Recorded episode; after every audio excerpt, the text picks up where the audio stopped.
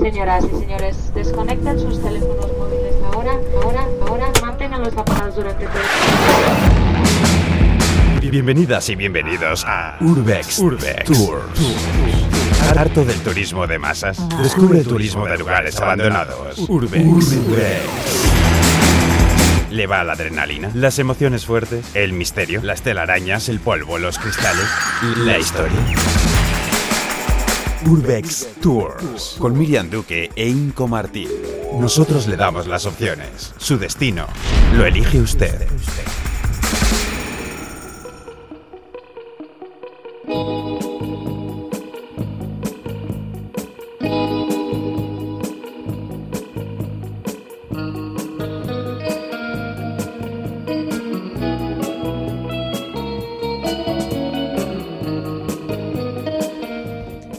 Nuestra agencia de viajes, una agencia que nos llevará a conocer lugares que un día, a veces sin demasiados motivos, quedaron abandonados. Espacios en los que se respira polvo añejo, humedad y también un poco de misterio. Es el Urbex, al que nos vamos a ir acercando gracias a nuestro guía, Inco Martín. Inco, ¿qué tal? ¿Cómo estás? Muy buenas, ¿qué tal? Bien, con ganas de viajar. ¿A dónde nos lleva hoy el Urbex? Eh, pues mira, eh, mira, en principio tenía la idea de hacer algo como una ruta isleña, ¿no? Por Anda. islas abandonadas o lugares abandonados en islas, me daba igual. Pero las cosas, eh, yo qué sé, del destino, el azar, no sé por qué, de manera así como muy natural y armónica se ha creado una, pues nada, de la nada una bellísima ruta urbex fundamentada en un binomio, que es isla-animal. Plan, rollo mitología griega. Eh, no, pero yo creo que les molaría bastante la idea, la, Entonces- la adoptarían, de hecho. O sea, Mm. sería algo como isla animal, como isla islas vivas, islas vivientes. Eh, mm, eh, Tampoco. Tampoco es el concepto, pero ojo que sí que creo que tenemos algo parecido a lo que, a lo que te refieres. El binomio se fundamenta más bien en que son islas abandonadas, o como hemos dicho, lugares abandonados en islas, en los que los animales, un tipo de animal por isla, para ser más concretos, eh, pues tienen una presencia eh, bastante grande y tienen influencia de maneras a veces muy especiales y creo que muy dignas de ser conocidas por nosotros y por todos los que escuchan. No sé muy bien a dónde vamos, la, verdad- la verdad te lo digo. ¿Tienes miedo? Bueno, pues eh, no sé, mucho animal mencionas. Depende del animal y de lo hostil que acabe pareciendo el entorno y el animal en cuestión y su hábitat. ¿no? Sí, yo los he ordenado de grande a pequeño, que no sé si sirve mucho, pero Bueno, bueno. tampoco me tranquiliza que hay arañas pequeñas peligrosas. Eh, sí, también es verdad, también es verdad. De todas maneras, Miriam, déjate llevar. Y de primeras nos vamos a ir a, a Canadá.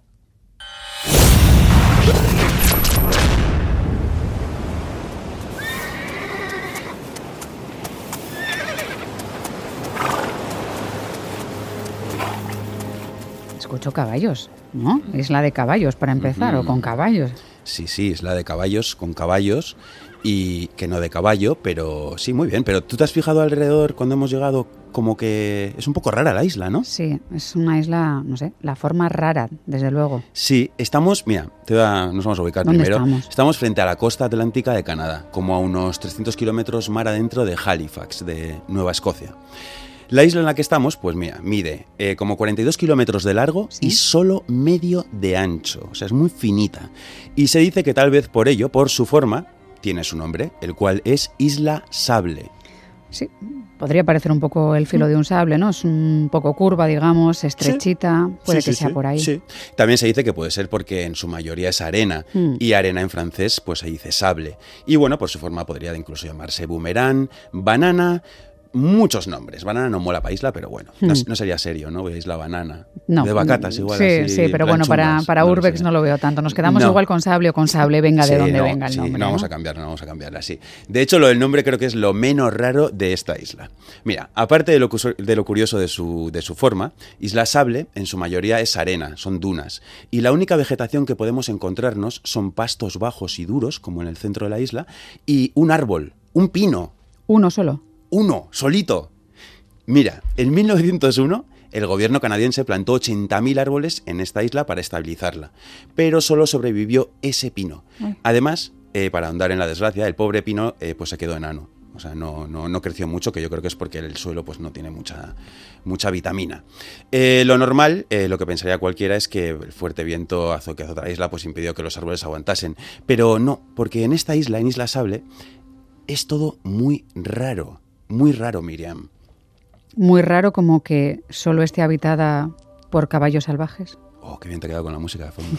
Sí, sí, sí. Eso es, eso es. Eso es lo primero que ya le da como cierto halo de misterio a este lugar, ¿no? Aparte del pino. en ella solo viven pues cientos de caballos salvajes, unos 500 según los últimos cálculos que se han, que se han hecho. ¿Y me explicas cómo llegaron a una isla a 300 kilómetros más adentro, unos 500 caballos, o menos, aunque luego crecerían, me imagino? Sí, sí, sí, sí. Llegaron hace mucho, además. Mira, se dice que estos caballos eh, posiblemente desciendan de los caballos que les fueron arrebatados a los acacianos, que son los que vivían en la zona de Nueva Escocia antes de que el Imperio Británico llegase y los masacrase por completo. Al parecer, los ingleses utilizaron la isla como cuadra donde guardar eh, pues aquellos caballos que luego, iban que luego iban cambiando, no sino vendiendo o usaban para las minas de carbón que tenían por esta zona. Pasó el tiempo, se olvidaron de ellos y quedaron aquí abandonados a su propia suerte. La cosa es que pasan los años y en 1960 el gobierno de Canadá otorga a los caballos de la isla un estatus de plena protección respecto a la interferencia humana. Hablando en plata, que los declaró amos y señores de la isla Sable. Bueno, misterios insondables porque hacemos este tipo de cosas de vez en cuando los seres humanos con algunos animales y con otros no, ¿no? Es muy curioso, es muy, muy curioso, sí, sí, sí. Eh, la cosa es, ¿qué tendrá preparado el destino para los caballos? ¿Hacia dónde va la isla? y esto la isla se mueve se mueve, Miriam, se está moviendo continuamente. Pero se desplaza flotando por las corrientes, ¿quieres decir? No se entiende muy bien lo que pasa con esta isla, pero se mueve. No está donde estaba ayer, ni antes de ayer, está en otro lugar. Al parecer, la isla está, pues eso, en constante movimiento. Se dice que esto se debe a que el extremo occidental de la isla es constantemente golpeado y machacado por las olas. Pero claro, este hecho debería haber provocado que la isla pues desapareciese hace muchísimo tiempo. Pero no, la isla no desaparece. Es más, parece que ese continuo golpeo que recibe la desplaza, hace que se arrastre por el océano, y no se entiende muy bien qué tipo de movimiento hace la arena para volver a recuperar la superficie, pues eso, a cada paso que va dando la isla. ¿Se ha llegado a calcular a qué velocidad se mueve la isla o se desplaza? Eh, sí, sí, sí, sí, sí. Hay investigaciones que apuntan a que en los dos últimos siglos la isla ha avanzado 19 kilómetros, 19, lo cual sale como a 200 metros por año. Lo que no dicen es hacia dónde va, que eso me parece muy interesante. Hmm. Pero bueno. Y por si no fuera poco, esto de que se mueve sola, eh, pues mucha gente dice que la isla está maldita. Hmm. Como que está maldita.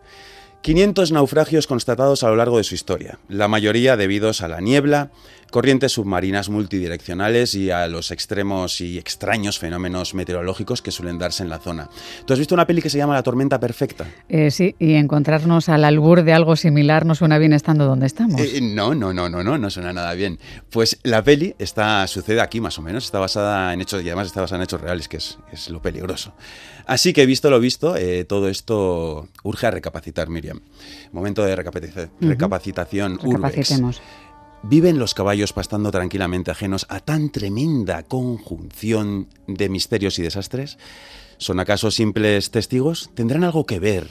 ¿Nos ocultan algo? ¿Será su trote el que mueve la isla? En ese caso, ¿a dónde van? ¿Qué buscan? ¿Son acaso guiados por el espíritu del pino enano? Bueno, misterios y desastres. total. en la isla del pino enano. No sé si nos conviene pasar mucho tiempo aquí. No, yo creo que nos vamos a pillar lo más rápido posible, de hecho, ¿no? ¿Seguimos con la ruta? Sí. Venga, Rusia.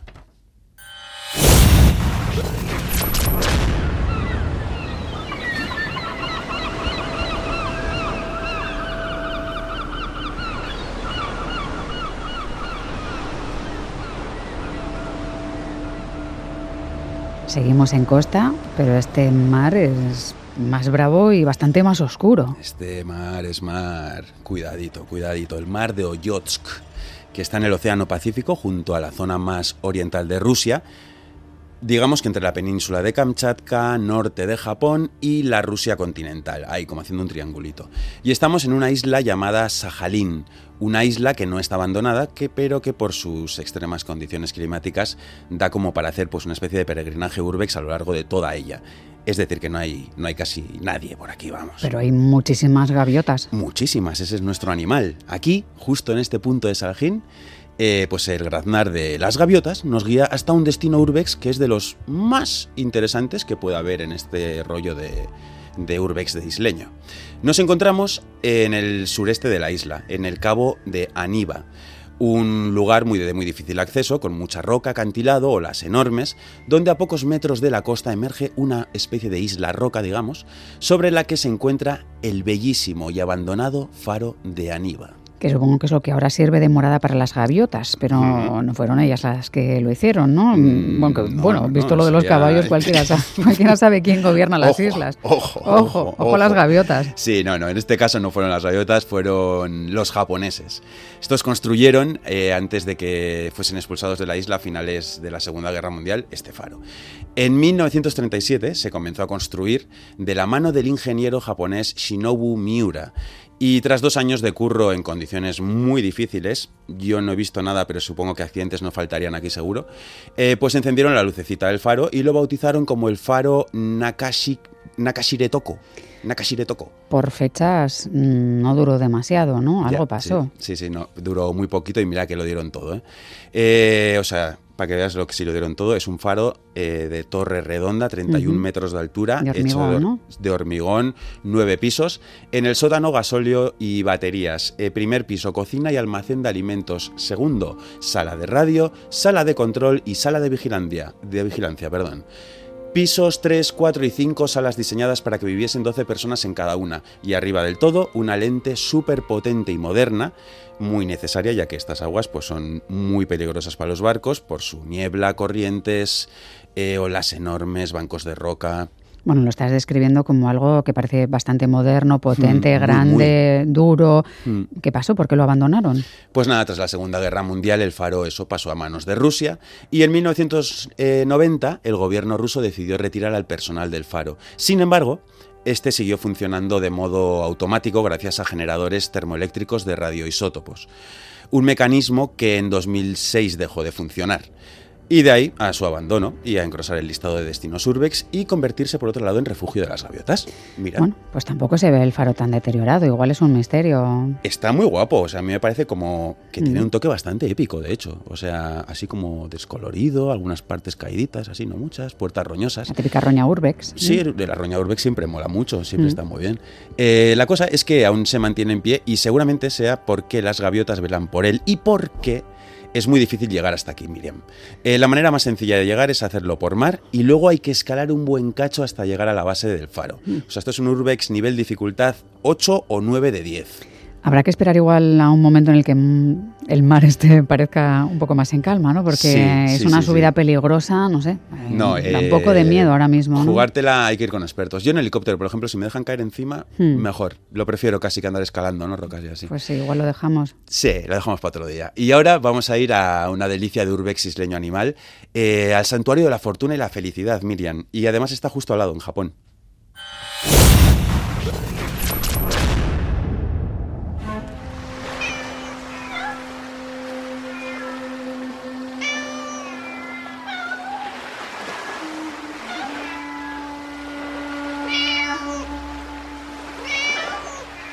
Madre mía, primero fueron caballos, después gaviotas a, cientos y ahora muchos, muchos, pero muchos gatos.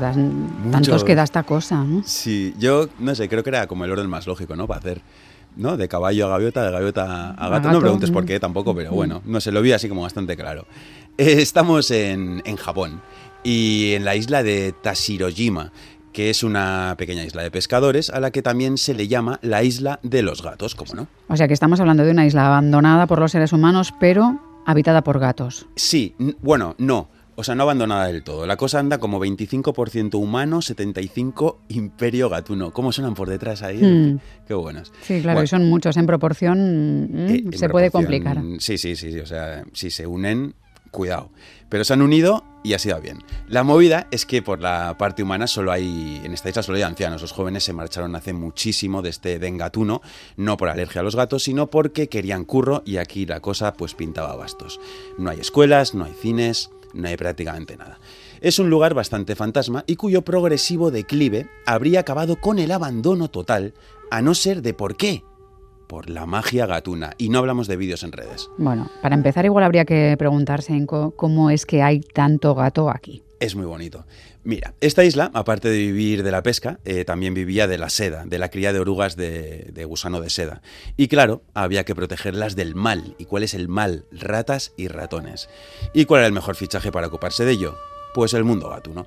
Así que se trajeron gatos y gatas a cascoporro y estos y estas colaboraron gustosa y eficazmente por otro lado en el progreso de la industria de la seda aquí en esta isla. O sea que trajeron buenos currelas eh, con los gatos, buen apoyo desde luego, ¿no? Claro que sí, los mejores. Solo que con eso, eh, solo con eso ya eh, pues eso empezaron a ganarse el cariño de toda la gente de esta isla. Pero es que además, al poco tiempo, los pescadores de la zona se dieron cuenta de que los felinos eran muy buenos adivinando el tiempo, haciendo como gatos del tiempo. Eran los gatos del tiempo. Y... ¿Y los pescadores? Eh, sí, los pescadores eso hicieron como buenas amigas con el reino gatuno y por eso de manejar pescadito, ya se supongo. Y según la relación se estrechó, descubrieron que según los comportamientos de los gatos, podían llegar a adivinar si venía lluvia, sol, huracán. Oye. Sí, oye, sí, sí, muy bien. Y de esta manera eh, los pescadores pues podían saber mejor cuándo salir a faenar o no y así no gastaban tiempo ni fuerzas para nada. Al final, eficiencia empresarial. Sí, sí. Mm, un poquito raro es esto, eh, eso sí, así que por una cosa o por otra los mm. gatos adquirieron un papel fundamental, primero con los pescadores y luego con todo lo que venía a ser el progreso de la isla, ¿no? Mm, y en su auge económico, algo que corrobora como buena la antiquísima elección del gato como símbolo de fortuna y felicidad aquí en Japón. Así las cosas, la comunidad gatuna se hizo con el cariño de todos y todas, les daban de comer, les daban mimitos, eh, hicieron incluso un altar y a base de procrearse poco a poco, pues también se hicieron con el espacio físico del lugar e incluso con el nombre de la isla. Hmm. O sea, conquistadores gatunos, y, pero guay, ¿eh? O sea, sin muertes ni violencia. Hay que aprender de ellos. Sí, pero luego ese auge también tuvo su declive, ¿no? Y de ahí al cuasi abandono de la isla, que tuvo ah, cierta caída. Sí, y ahí está el penúltimo arrimar el hombro de los gatos por el bienestar de este lugar. Eh, ahora aquí solo viven de eso, lo que hemos dicho al principio, decenas de ancianos. ¿Y de qué viven? De lo poco que les da la pesca y del turismo. De las masas de turistas, pero muchísimos Miriam, que vienen a ver a los gatos vagando a sus anchas por toda la isla. A ver una isla que es considerada por ello como santuario gatuno. ¿Y se han tomado en serio lo de cuidar de la comunidad? Eh, sí, sí, sí, sí, hay que indicar que, no lo han tenido fácil, ¿eh? aparte de los gatos. O sea, por ejemplo, sobrevivieron al tsunami del 2011 que arrasó con toda la isla. Bueno. Sí. Y por otro lado, eh, pues aquí los habitantes, hay un par de curiosidades bastante guapas, y es que los habitantes de la isla prohíben que los gatos sean tratados como mascotas. ¿Tú por qué crees que es? Yo creo que es porque no se relajen en sus funciones de salvadores de la isla, ¿no? Sí, porque puede ser. Claro, empiezas a mm. tratarlo como mascota y ahí dicen, Buah, ¿para qué currar? Nada, nada, nada, y al pique de la isla. Y luego para que la gente que está comprando ya billetes a Japón para y palés de Whiskas seguramente, para ir aquí a visitar la isla, pues importante y muy especificado en la isla, hay carteles enormes. No se puede venir con perros.